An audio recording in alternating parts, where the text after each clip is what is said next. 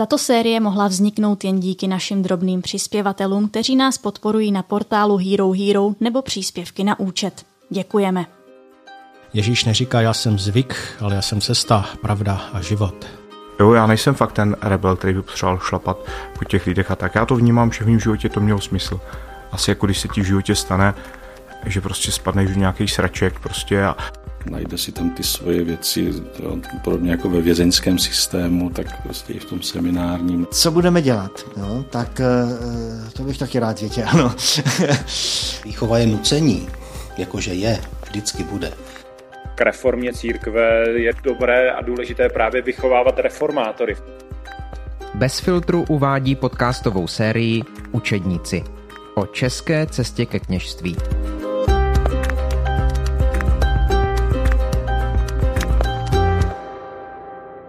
Kněze v církvi nutně potřebujeme. Máme na ně velmi vysoké nároky. Stěžujeme si, že často nezvládají naslouchat, chovají se autoritativně a neumí se podělit o práci a zodpovědnost. Téměř nic ale nevíme o tom, jestli je vůbec někdo učí opak a neptáme se biskupů, jak v přípravě budoucích kněží v seminářích reflektují potřeby dnešní doby. A to jsme se rozhodli změnit. V rozhovorech s bohoslovci, jejich představenými, Kněžími v praxi, biskupy nebo psychoterapeutem popisujeme stav a problémy institucí, kde jsou formováni budoucí katoličtí kněží. Nahlížíme do církevních dokumentů, ptáme se upřímně a konstruktivně. Zajímá nás skutečný stav věcí a se všemi zúčastněnými hledáme kam dál. Pojďte hledat s námi. Čtyřdílnou podcastovou sérii připravili a k poslechu zvou Aneška Věvjorková a Ondřej Havlíček vytrvalost, schopnost jako hledat nové cesty. Týmová spolupráce. Kněz musí být člověkem dialogu. Vědět to, v čem žijí ti farníci a prostě dokázat to nějak pochopit, dokázat se o nich vcítit do jejich, do jejich situace. K farářování nestačí zbožnost, potřebujete nejen ty manažerské schopnosti a duchovní schopnosti. Schopnost spolupráce. Být opravdu hluboce ponoření do té blízkosti boží a zároveň být hluboce ponořeni do toho, jak lidé žijí a žít s nimi. To byly odpovědi kněží na to, co je v současné době zásadní pro výkon jejich služby v Česku. Jsou to dovednosti, ke kterým člověk dospěje v semináři? K čemu jsou vlastně budoucí kněží vedeni? Nejen to jsou otázky, na které budeme hledat odpovědi v právě začínající sérii o českých kněžských seminářích. Podíváme se na to, jak a čím žijí současní bohoslovci, kdo je formuje a na co jsou připravováni, kam semináře směřují a jak by mohla vypadat jejich budoucnost. V prvních dvou dílech série se zaměříme na současnou podobu kněžských seminářů v Praze a Olomouci, na otázky řádu, uplatňování autority a důvěry. Druhý díl tematizuje také odpovědnost za semináře. Kdo má nad nimi moc a jak s ní zachází? Ve třetím dílu uslyšíte o tom, jak vypadá další formace už vysvěcených kněží. Mají si komu říct o pomoc, když ji potřebují. Poslední díl nabídne pohled do budoucna, co by se mělo změnit, aby ze seminářů vycházeli kněží pro 21. století. Dnes nejprve míříme do Olomouckého konviktu, což je přípravný ročník semináře. Právě tam začíná cesta kandidátů kněžství z celé republiky. Ti by ideálně během jednoho roku měli zjistit, jestli je zrovna tohle jejich cesta. Slovo mají někdejší spirituál konviktu Petr Vrbacký a jeho nástupce Josef Novotný, který je ve funkci druhým rokem. Prakticky to vypadá tak, že eh, se v konviktu žije, modlí, studuje, pracuje a věci, které z toho nějakým způsobem vycházejí, vyplouvají na povrch, se potom stávají předmětem, řekněme, nějakého nejdřív dialogu nějaké zpětné vazby, následně modlitby, řekněme třeba i ošetření svátostného, to je otázka svátosti smíření a zase se to zpátky vrací potom do té lidské roviny a jsou to takové vlny, které se prostě podle mě přelévají zleva doprava vlastně pořád. Josef Novotný, jak to vidí on a práci spirituála? Možná jenom bych jakoby doplnil, že jedna věc je jakoby odpovídat na ty otázky, které, které v nich i ten pobyt nebo eh, ta modlitba vyvolávají. A druhá věc je vlastně i nějaký ty eh, otázky pokládat. I, i skrze různé kázání při svatých nebo takzvaná punkta, tak vlastně se snažíme, aby oni se i nad některými věcmi zamysleli, nad některými otázkami, jo, možná taky rozbourat nějaké jejich představy, které už mají, ať už, já nevím, o Bohu, o církvi, o kněžství, které ale eh, často bývají trošku mimo. Slova Josefa Novotného potvrzuje olomoucký bohoslovec Filip Kohut. Vždycky říkám, možná než co mi konvík dal, tak co mi vzal. A to jsou takové ty různé iluze o tom, jak to třeba funguje, ale jako v dobrém slova smyslu, jo? že člověk měl nějakou představu a teď vlastně zjistil tu realitu, teď vlastně zjistil, že, že ty věci jsou třeba jinak. Můžeš být konkrétní, Filipe? Než si představoval. Tak třeba takové to, přiznám se k tomu, že jsem měl pocit z toho, že i ten konvikt bude něco, že mě tam někdo bude držet za ručičku. A tak to nebylo ani v konviktu a není to tak ani v semináři. A což je dobře. A je to o nás, je to o mně. Ve, jako v tom smyslu ne, že já budu centrum něčeho, ale, ale že to nebude prostě vedení za ručičku a nebude to nějaké jako půjdeš tady, půjdeš tam. A taky o tom třeba mě to obohatilo velice ty příběhy těch lidí. Jo. Nás bylo osm v konviktu, nás osm bylo úplně jiných eh, příběhů toho povolání. Jak na konvikt vzpomínají Josef Kvapilík, v současnosti Jáhen v Rajnochovicích a Ondřej Šimer, který má za sebou tři roky v pražském semináři. Já musím říct, že jsem se v konviktu naučil líp hrát florbal. Mm-hmm. To je asi to, co si odnáším jako nejvíc. Protože jsme hráli, já nevím, kolikrát týdně. tak to je takový highlight pro mě teda. a pokud mám být na takový ty vážnější otázky, tak určitě to mělo velký přínos jako duchovně. To znamená, že jsem se začal pravidelně modlit rozjímání. To si myslím, že jako byl velký slov v mém životě. A potom taky po nějaké době, že jsem se začal modlit druženec. A já vím, že to možná zní tak jako, že odpověď, která by si mohla očekávat, ale teď zpětně to vnímám, že to jako fakt byla důležitá věc. No, ten rozdíl tam je. Já nevím, jestli je to třeba jenom mnou, že vlastně jsem i zvyklý spíš na tu českou pastoraci a přece jenom rozdíl moravská a česká církev je vlastně hodně velký. Jo. A ono se to možná projevuje i v tom stylu eh, té formace. Jo. Takže pro mě se přiznám, eh, bylo to o hodně přísnější v tom smyslu, že třeba nějaký večerní vycházky to tam vůbec neexistovalo a No, zároveň mě třeba vadil i ten přístup, co tady nějak tak jako fungoval, nebo v církvi bohužel třeba taky asi někde ještě funguje, že se mi třeba tykalo, já jsem těm lidem musel vykat, což automaticky člověka vlastně staví do takový hodně podřízený pozice. Vlastně zpětně jsem si tam připadal jako na nějakým ročním letním táboře, nebo jako jo, protože když to v tom pražském semináři, tam už to bylo trošku jako víc na úrovni, že si třeba už jenom, že se jako vykáme mezi těma představenýma a jako seminaristama, jo. A je to takový možná trošku dospělejší, no. no nevím vlastně, já se furt zamýšlím nad tím, co byl smysl toho konviktu, protože ono to má být takový jako připravující rok, aby se ten kluk mohl teda rozhodnout, jestli chce jít do toho semináře skutečně, nemá tam tu školu tolik, že ještě nestuduje na fakultě, jsou tam jenom takový přípravný předměty takže by tam měl být vlastně čas. A já vlastně úplně nejsem si vědomý toho, že by se tam třeba na tu oblast lidské zralosti nebo že by tam třeba někdo tohle to nějak jako tématizoval, tak to tam vlastně vůbec nebylo. Hodně, se, hodně tam bylo modliteb, to jo, různých, občas jsme někam měli na víkendy, to tam tyhle, tyhle ty akce tam jako byly, ale že třeba ten lidský rozvoj a zamyslet se nad tím, jestli, jo, jak se člověk rozvíjí a jestli chce dělat kněze. A, no, z toho lidského hlediska prostě to mě tam hodně chybělo a pak jako první, jako kdo mi řekl nějaký možnosti, jako třeba nějakýho psychoterapeuta, tak byl vlastně až v semináři. Jo. Přitom v tom konviktu možná už eh, vlastně na to byl třeba vhodnější čas ještě jako s tím nějak začít, byl tam na tom větší prostor. No, tímhle, a ono to vlastně může být nějaká, jak třeba máme semináři ty práce, že máme ty sem, víkendový semináře, jak jsem zmiňoval, tak to třeba tam byly nějaký uh, různý skupinový programy, že jsme se třeba na něčím něco jsme jako vymýšleli, pracovalo se ve skupině. A to tam třeba taky vlastně vůbec tohle to nebylo, přitom by tam na tom byl prostor v mnohem větší míře, protože to tam nebylo limitovaný tou fakultou, takže by tam klidně mohl být, já nevím, plácnu týdenní program a místo víkendového, jak jsme teď omezený v semináři a ještě jsme z toho unavený, protože prostě pět dní jsme ve škole a dva dny prostě máme seminář, takže to zase je taky taková obrovská nevýhoda, takže škoda, že ten konvikt třeba na tohle by nemohl být využitý. No.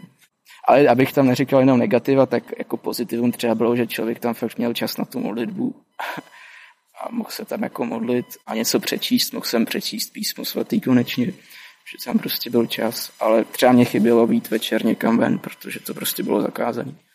Smysl konviktu i potom semináře, respektive je formovat ve čtyřech rovinách. Jo? Mm-hmm. Lidské, duchovní, intelektuální a pastorační. Myslím, že o tom se mluví v konviktu docela často, nejen v konviktu, ale i v semináři. Myslím, že obzvlášť teď pan ředitel často zdůrazňuje, že ta lidská rovina je základní. Nemůžu být dobrým knězem, pokud nejsem dobrým křesťanem, nemůžu být dobrým křesťanem, pokud nejsem dobrým člověkem. Dobrým znamená hmm. i zralým, to znamená adekvátně věku, což už teda v těch minimálně 19 letech by ta určitá zralost se předpokládala. Takže zralost je, řekl bych, nutným předpokladem. To znamená, měla by se tam hledat lidská zralost. To, co říká ten student, že se podle z jeho pohledu netematizovalo, nehledalo. E, to je otázka, co to je tematizovat. Jestli se o tom musí nutně mluvit, jestli to není taky e, jako věc, která přichází cestou faktu, protože pokud někdo v tom společenství žije, začne se nějakým způsobem projevovat a můžu vás ujistit, že těch projevů zralosti i nezralosti jsem za tu dobu zachytil docela dost. Tak možná, že ten student měl to štěstí, že tam přišel jako zralý a tudíž hmm. na to nepřišla řeč, ale pokud by nebyl a pokud by se takto projevoval, tak by se to určitě dozvěděl. Říká Petr Vrbacký, dnes už bývalý spirituál teologického konviktu. Když uběhne rok, míří muži, kteří mají o kněžství zájem z konviktu do semináře, do Olomouce nebo do Prahy. Někteří bohoslovci odchází po pár letech studovat na nějakou dobu do zahraničí. Často do Nepomučena, koleje pro české seminaristy, která se nachází v Římě. Vraťme se ale zpátky do Čech, konkrétně tedy do pražského semináře. Jak vypadá tamní život? Na to jsme se ptali Ondřeje Šimera. Většinou máme ráno půl hodiny rozjímání, pak máme nějakou mši svatou s breviářem, s raním a chválama, modlíme se žalmy. Pak tedy přes den máme školu, tak různě, protože jsou různí ročníky, tak někdo má školu hlavně dopoledne, někdo odpoledne, takže a pokud máme čas, tak se sejdeme na oběd. A vlastně odpoledne pak je to různé aktivity, třeba buď jeden den máme adoraci, jeden den máme třeba lekci od divína, jeden den nešpory, e, nějaký skupinky, takže takhle se to různě liší. A taky vlastně přes ten rok ještě máme povinnost, aby každý měl nějakou svoji pastorační praxi, takže já jsem třeba letos chodil pomáhat s vyučováním na základku svatý Voršily, což je církevní škola v Praze. Někdo jiný má zase různý další praxe, třeba chodí na spolčot vést, nebo tak, takhle jako různě, no. A vlastně, když třeba teď mám prázdniny, tak to je zase hodně na mě, jak vypadá ten den, což já jsem třeba rád. Takže jakoby, když jsi normálně v tom školním roce, tak tam vlastně ti mm, ne, nezbývá skoro žádný čas eh, jako na něco, co bys chtěl dělat ty, nějaký tvůj koníček třeba. No, on tam ten čas, když třeba není škola, tak třeba odpoledne volno je zaznívaly takový hlasy, že by třeba bylo dobrý zavíst jeden volný den pro ty seminaristy, protože i pak třeba kněží by se měli třeba naučit udělat si jeden den volno a myslím si, že to jako je zdravý mít v tom týdnu jeden volný den, protože z logických důvodů to nemůže být třeba ta neděle, protože prostě v neděli kněz pak jako třeba pracuje vlastně, že jo. A když se na to připravujeme, tak dává smysl, aby jsme v tu neděli taky měli nějaký ty modlitby a nějakou tu pastorační aktivitu ale třeba říkal jsem si, proč by to nemohla být stavená sobota, nebo vlastně bohužel tohle to moc nefunguje, no, že by třeba byl takhle ten institut volného dne. Existuje možnost, když už je někdo vyčerpaný, unavený, tak se jako může říct rektorovi a ten mu teda jako třeba povolí nějaký volno, což pokud vím, tak to bylo docela využíváno, což je pak vlastně nutí se zamyslet, jestli by se to nemělo řešit nějak jako dělat spíš prevenci, než že ten člověk přijde už je vlastně vyhořelej a, a vlastně řeší, že by chtěl nějaký volno, no, protože pak třeba, když bude kněz a pracoval by prostě non-stop a nedokázal si udělat volno, tak si nemyslím, že to je dobře. Tak eh, jak to vypadá v sobotu a v neděli pro vás? Ta sobota u nás je volnější v tom smyslu, že nemáme vlastně žádný ranní program, nebo respektive začíná to až v půl jedenáctý růžencem, takže člověk se vlastně může trošku aspoň prospat Nicméně, jako že by to byl volný den v tom smyslu, že by člověk mohl vyjet na výlet nebo prostě si udělat úplně den volno, odpočinout si od, i od těch lidí, prostě, který vidí každý den, tak to vlastně není. No. A v neděli to je většinou tak, že máme ráno modlitby, normálně breviář, a pak buď jsme v našem seminárním kostele u svatého Vojtěcha, anebo jednou za měsíc bývá rozptyl, takže si každý vlastně může zvolit, kam půjde v Praze vlastně na mši svatou, aby abychom trošku poznávali, jak to v těch farnostech funguje. Ale vlastně furt chybí takový ten, jako že by byl celý den volný. No. Když se chcete potkat s nějakýma kamarádama, který zrovna máte v Praze, tak to jako by pro vás je možný? Mm, ještě vlastně, eh, to jsem zapomněl říct, tak u nás funguje institut vycházek, eh, což znamená, že každý si může jednou týdně vzít večer takzvaně vycházku, což znamená, že nemusí jít na večerní program a může se vrátit do 11 do večera. Takže když někdo chce jít, já nevím, do divadla, do kina nebo právě třeba do hospody s nějakýma kamarádama, tak to jako takhle funguje. No. Ale je to limitovaný třeba tou 11 hodinou, ale to si myslím, že je vlastně z praktických důvodů, protože ta budova tam má recepci, takže to by se tak nějak muselo řešit. No. Jo, ty vycházky fungují přesně tak, že to ani nikomu říkat nemusíme a můžeme teda jít. Myslím si, že to je správně, protože je to trošku nechtěný na naší zodpovědnosti. Pokud by asi třeba rektor viděl, že někdo má každý den vycházku, tak by si s tím člověkem asi šel promluvit, ale není to nikde hlídaný, že by se psala nějaká kniha vycházek. Bývalo to, ale už, už se to zrušilo, takže teď je to jako čistě takhle daný.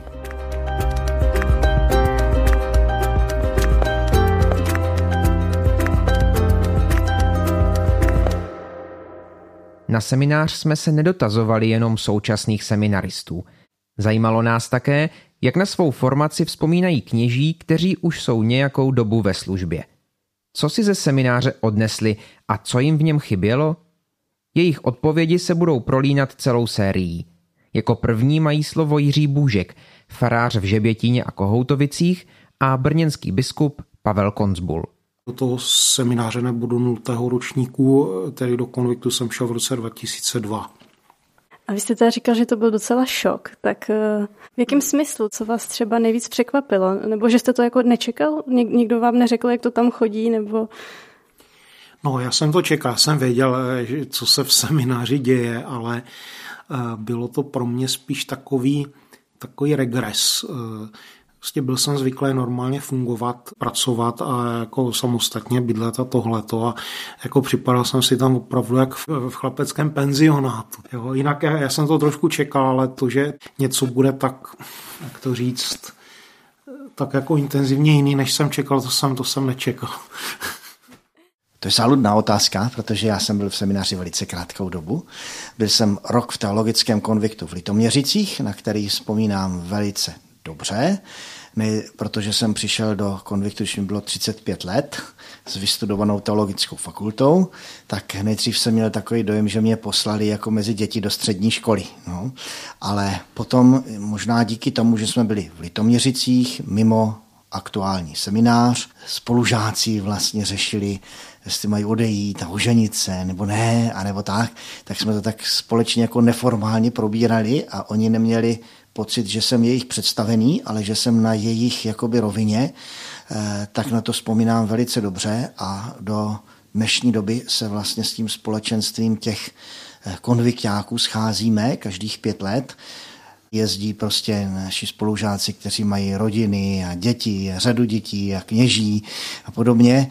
Eh, takže za ten pobyt v tom teologickém konviktu v Litoměřicích jsem vděčný ani ne z toho pohledu, že bych se dozvěděl nějaký nový teologický informace, ale z toho lidského pohledu. A potom jsem stávil už jenom jeden rok v semináři a pak jsem byl pastoračním asistentem.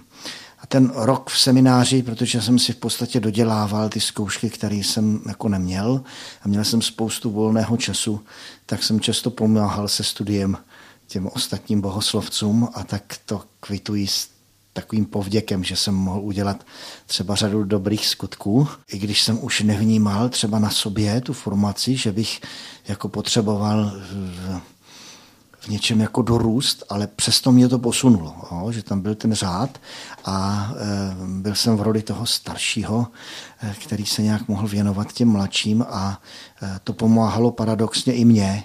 Jo.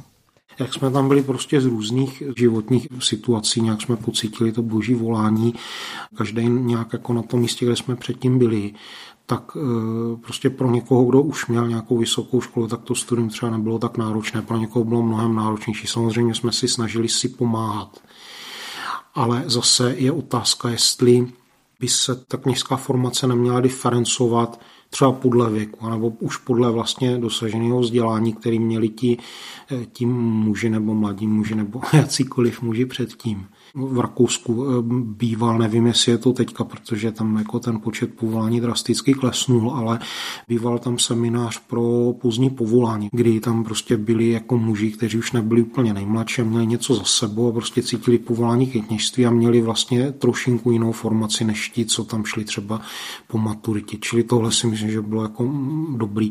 Samozřejmě ve chvíli, kdy ten počet těch povolání klesá, tak je otázka, jestli tohle je jestli tohle je prostě dobře, dobře možné v těch podmínkách, který, který jsou teďka v posledních letech, ale myslím si, že by to věci prospělo každopádně.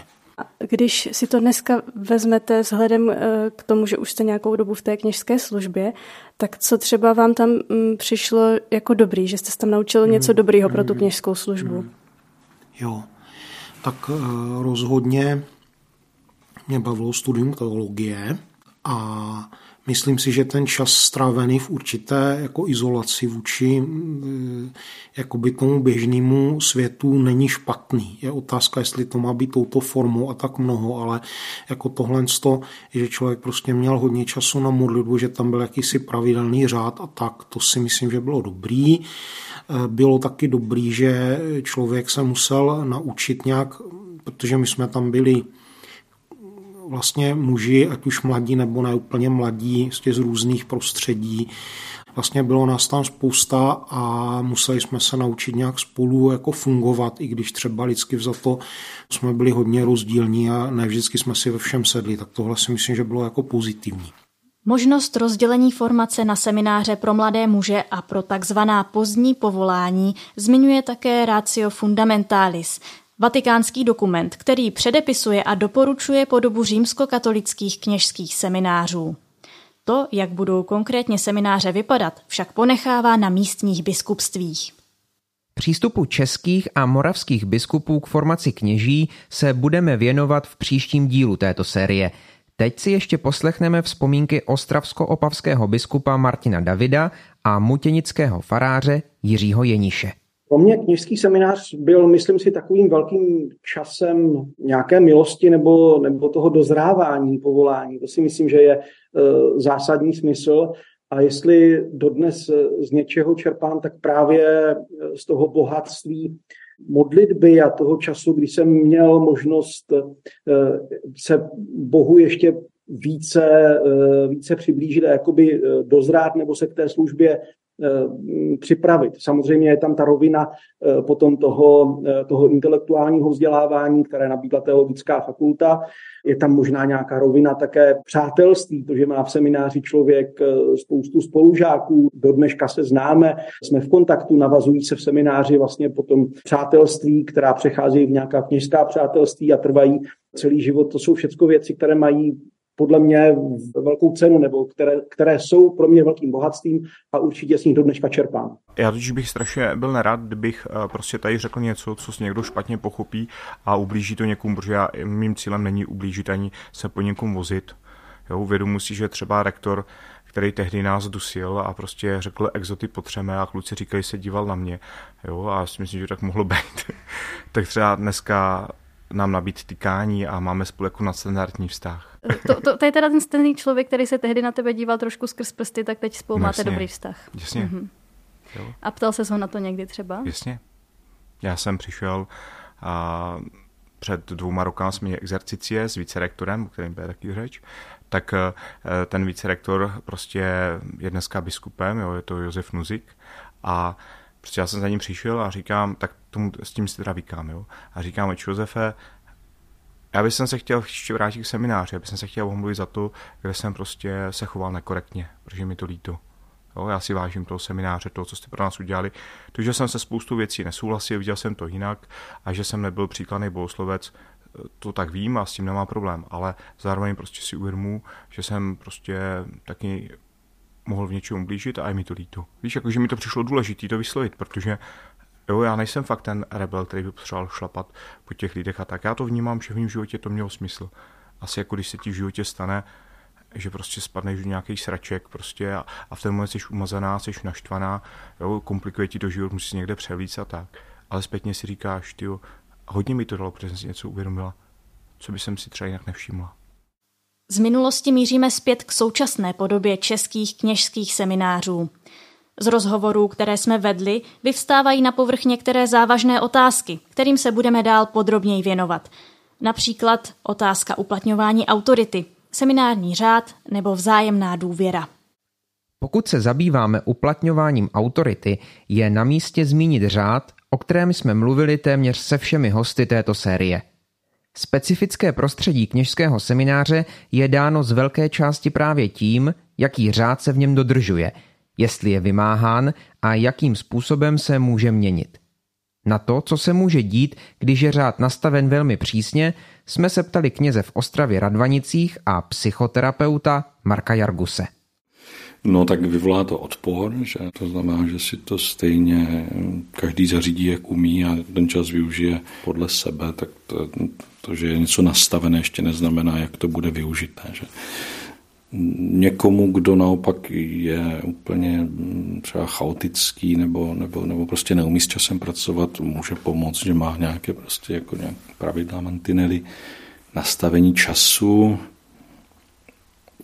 ale je pravda, že to asi nemáme eh, v tom semináři podchycené tak, jak třeba někde jinde v tom profesním životě ten time management funguje. Potom v té pastorační praxi zacházíme. Že? Eh, co je pro nás důležité více, co méně, že kdy modlitba, kdy služba, kdy volno, kdy důležité, kdy méně důležité věci a tak dále si vzpomínám z těch našich začátků, že sice nám, na nás to taky působilo jako zešněrovaně silně, ale že jsme se v tom poměrně rychle uměli adaptovat a navzájem se, se podpořit a ono, ono je to totiž stejně tak, že každý, že to je ten systemický přístup, že každý ten systém, jak je nastavený, um, to, to, že tam někdo dodává něco na sílu, ještě sice může mít eh, nějaký dopad na lidi, ale každý v tom systému se potom nějak si to zařídí tak, aby tam v něm, to v něm zvládl, přežil, najde si tam ty svoje věci, podobně jako ve vězeňském systému, tak prostě i v tom seminárním nebo v jakémkoliv jiném. Že? A no, je zajímavé, že jsem, že jsem srovnal vězeňský a, a seminární systém, ale Eh, možná tenkrát jsme si tak trošku připadali. Eh, což si myslím, že dneska už teda není.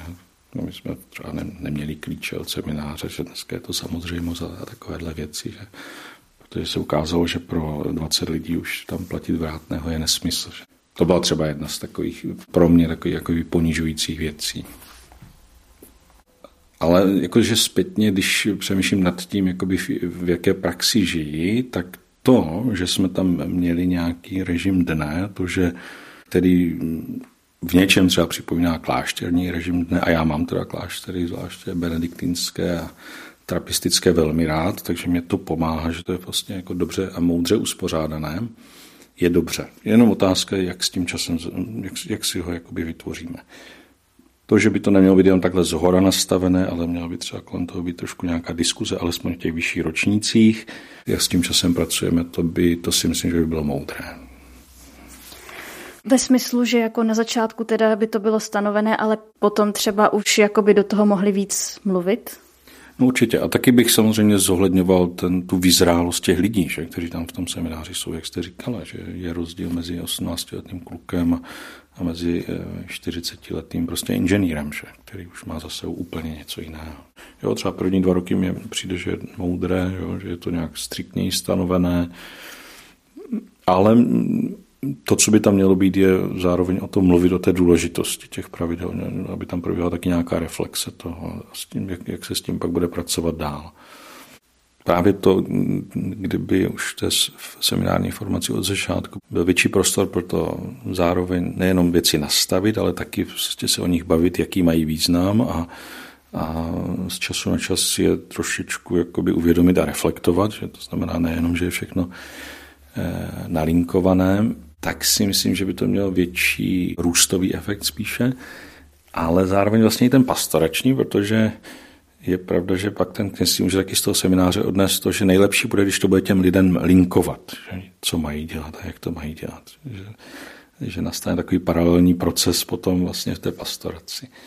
Když to ve chvíli, když se bude s, už s tím seminaristou zacházet víc jako s někým, s kým se diskutuje, hledá, nemáme to všechno prostě jasné, jak to má přesně být, tak on si pak odnáší to, že taky by s těmi lidmi měl více hledat a něco tvořit, než jenom, že všem řekne, co se bude dít. Jak je to tedy s řádem v současných seminářích? Ptáme se Josefa Kvapilíka, absolventa Olomouckého semináře a jeho mladšího spolužáka Filipa Kohuta. Josef. Řád. ne tak. Máte rádi to slovo? Máš rád to slovo? Řád? No, podle toho, jak se chápe. a v jakém významu ne? No tak já si myslím, že pozitivní je eh, v tu chvíli, kdy jako slouží řád, jo. To, že klasicky říká zachovej řád, řád zachová tebe, to se neříká jenom církevním prostředí, ale u vojáků, že nebo kde. Já vlastně mám rád řád, ale myslím, že je stejně důležité umět uh, udělat výjimku. Ale člověk nemůže dělat výjimky, pokud řád nemá. Takže ve chvíli, kdy jsou jenom výjimky, tak je spíš neřád a v tu chvíli i ten život si myslím, že se tak trochu jako sype, no. Že člověk tomu, aby jako dobře fungoval, a to teďka není jenom nějaká duchovní poučka, ale to říká mnoho současných um, internetových guru, že člověk má mít nějakou denní rutinu, že jo, nějakou týdenní rutinu, uh, že to je věc, která skutečně pomáhá tomu, aby člověk uh, žil šťastně, aby dobře využíval čas, aby měl čas na to, co chce dělat a mě osobně teda seminář v tom hodně pomohl. Jasně možná až takové období, jsem toho moc hrotil, nebo nevím, možná Milda dokáže říct o mě, ale uh, že někdy jsem tím byl až trochu tak jako posedlý, možná bych řekl, jako třeba, nevím, v prváku, v konviktu, přesně nevím. A v tom mi třeba hodně pomohlo zase potom Řím, a, a není to jenom tím, že teda uh, jsem byl v jiném semináře, ale myslím, že to je italskou kulturou, tak zároveň být schopen to tolik nehrotit. To znamená, um, když se něco protáhne, tak se prostě protáhne a umět s tím nějak jako pružně fungovat. Ale obecně musím říct, že seminář mi v tomhle hodně dal. Jo. Jako mít řád. Takže tam v semináři byl v tom dobrém slova smyslu. Dobře vnímaný řád. No, tak jsou tam, určitě jsou věci, u kterých si člověk říká, dřív později, jestli to má smysl. Mm-hmm. A tím, že ta instituce má velkou setrvačnost, tak ty pravidla, která tam dneska uh, existují, tak některá platí 100 let, přeháním asi, ale jako fakt hodně dlouho. Některá jsou jako novodobější, nějak se ten řád taky vyvíjí. V podstatě každý rok se diskutovalo o nějakém bodu řádu, jestli by se nemohl nějak změnit.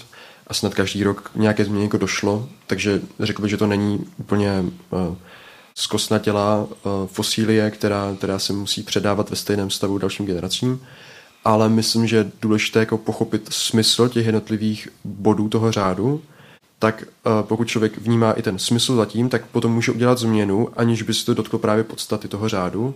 Já jsem vám teďka to bude takový teologický vsuvka, že ale druhý vatikánský koncil řekl, nebo ten, ten úmysl, když se svolával, bylo, že máme uchovat podstatu víry, ale vyjádřit ji uh, jazykem, který by byl srozumitelný. Jo? Takže to byl vlastně pastorační koncil a myslím si, že jde o něco podobného i s tím řádem, prostě uchovat to, co je na něm podstatného, ale zároveň být jako schopen ho přizpůsobit měnícím se podmínkám, když je to potřeba. No.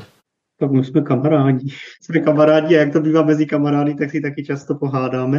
Ale ne, tak já si myslím, že je to, je to jeden ze základů. Jo. Já si myslím, aby se člověk jako nějak udržel v nějaké zdravé linii duchovní, ale i té lidské, tak prostě na to, jak my žijeme, tak prostě to potřebujeme vyloženě. Jo mít ten, mít ten řád, jo? ať už je to ten, ten ranní program, který je stálý, ať už jsou to ty večerní modlitby, které pak končí tím silenciem nebo přechází do toho večerního silencia, kdy člověk prostě po celém dnu to taky potřebuje. A třeba i to studium, když je v tom řádu, tak je taky potřeba, aby to prostě vyloženě člověka třeba i dokopalo k tomu, aby prostě fakt sedl něco dělal. Ale chtěl bych možná zmínit to, navázat na Pepu s tím, že je to flexibilní, že je to že se to dá i měnit, že opravdu nám to slouží.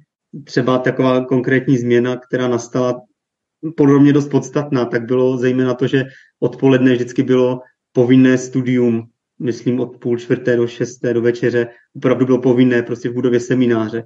Teď je vlastně čas od oběda až do večeře, je to studium, řekněme, má být v semináři klid, aby všichni, kdo chtějí studovat a musí, tak aby, aby měli pro to prostředí a podmínky, ale ti, kdo třeba měli celý den školu dopoledne, tak aby si dáchli, aby prostě vyřídili něco, co potřebují, tak přirozeně musí, musí mít to volno někdy.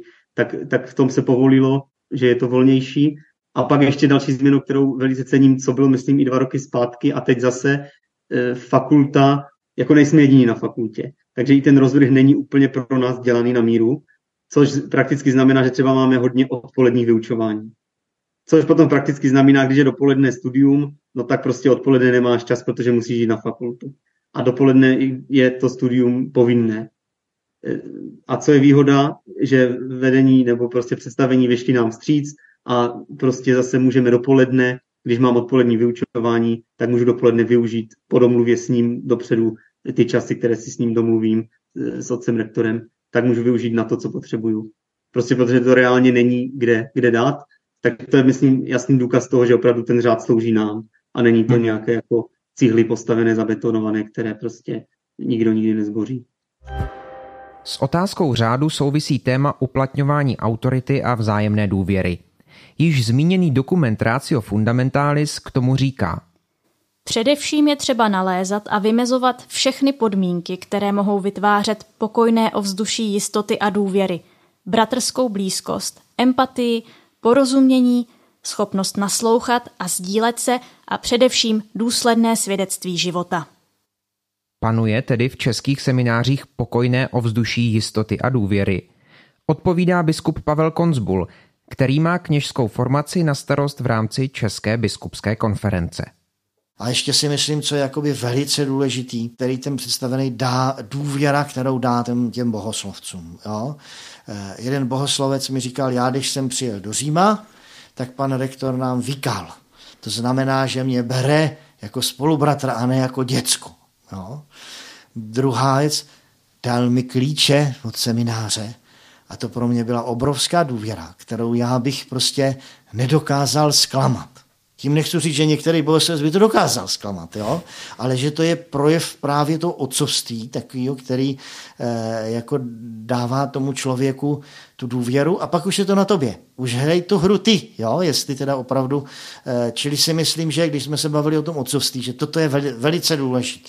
Jo? Že toto jsem kvitoval třeba u bohoslovce, který byl i mladší a viděl to jako takový projev důvěry, že na tom se dá stavět a pak ten bohoslovec i nějak dokáže, když se s ním komunikuje, tu formaci jakoby přijímat v pozitivním slova smyslu a nejen jako nařízení, teďka prostě musím stát, abych zvládl to nebo ono. No. Do římské koleje nepomučenům, kterou zmiňoval Pavel Konzbul, jezdí na část svého studia někteří čeští seminaristé. V naší sérii se ale tamnímu prostředí nebudeme z časových důvodů blíže věnovat a pohled zaměříme zpět do Česka. V místní formaci je důvěra jedním z témat, která jsou aktuální už od teologického konviktu.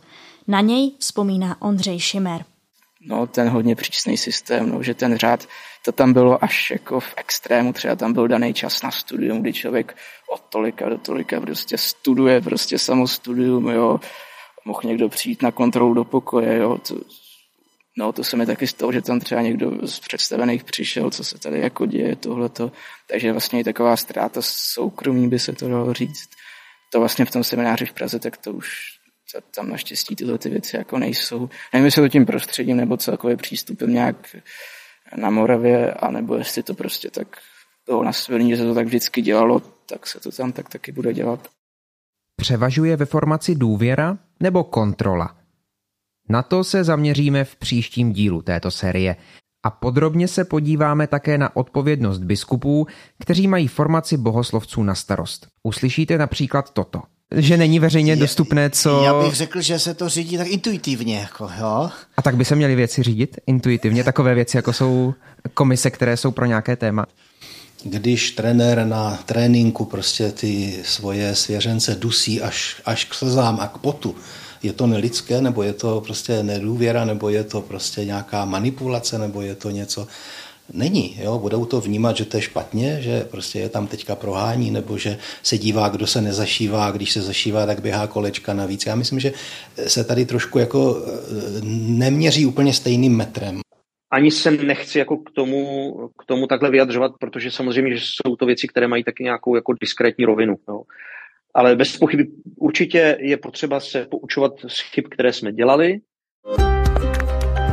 tato série podcastu Bez filtru mohla vzniknout díky vám, našim posluchačům, kteří nám přispíváte trvalým příkazem nebo jiným způsobem a umožňujete nám tak dělat naši práci. A také díky vám, kteří jste s námi na Hero Hero a přispíváte na naši tvorbu odebíráním bonusového obsahu herohero.co lomeno bez filtru bonusy. Na Hero Hero najdete například celý rozhovor s Jiřím Jurisem Jenišem, ve kterém vzpomíná na seminární léta, na těžké chvíle, ale také na to, jak si se spolužáky hledali vlastní cestu, jak vydržet velmi přísný režim. Připravujeme také bonusovou debatu o tom, jak celá série vznikala, co dalšího jsme se dozvěděli a jak české semináře hodnotíme z našeho pohledu. Sérii o českých kněžských seminářích připravili Aneška Věvjorková a Ondřej Havlíček, editorka Hana Kašpárková a zvukař Antonín Kánský. Děkujeme všem hostům, bez kterých by pořad vůbec nevznikl, a také našemu kolegovi, vatikanistovi Filipu Braindlovi. Mějte se hezky, naslyšenou. Je v konviktu Bůh a je tam duch svatý? Vane tam duch svatý? Já doufám, že jo. kde jsou dva nebo tři ve jménu, tak jsem já uprostřed nich. Je tam Bůh a je tam Duch Svatý určitě.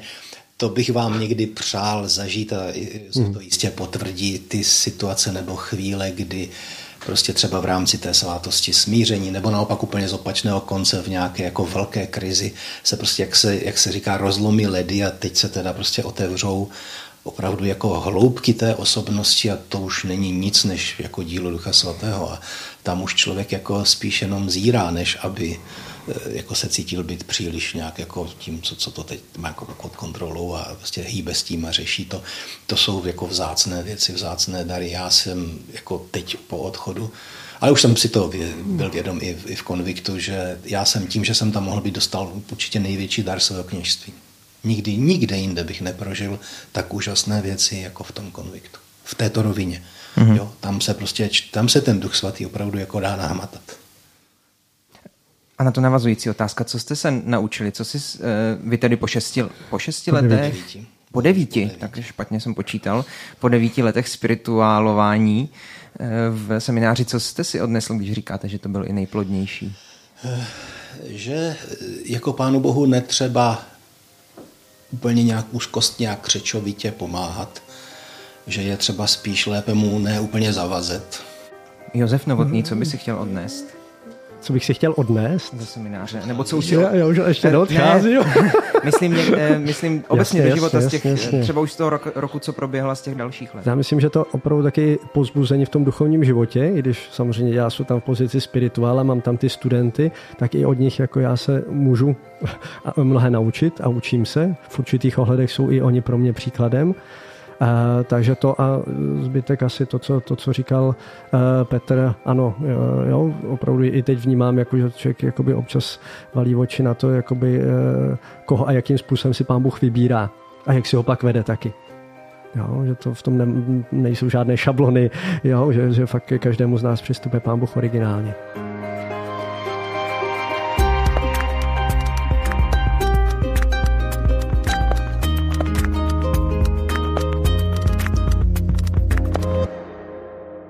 Bez filtru. O zásadních věcech otevřeně a bez předsudků. Najdete nás v podcastových aplikacích na Facebooku, Twitteru a Instagramu bez filtru pomlčka podcast. Chcete nás podpořit? Info na webu bezfiltrupodcast.cz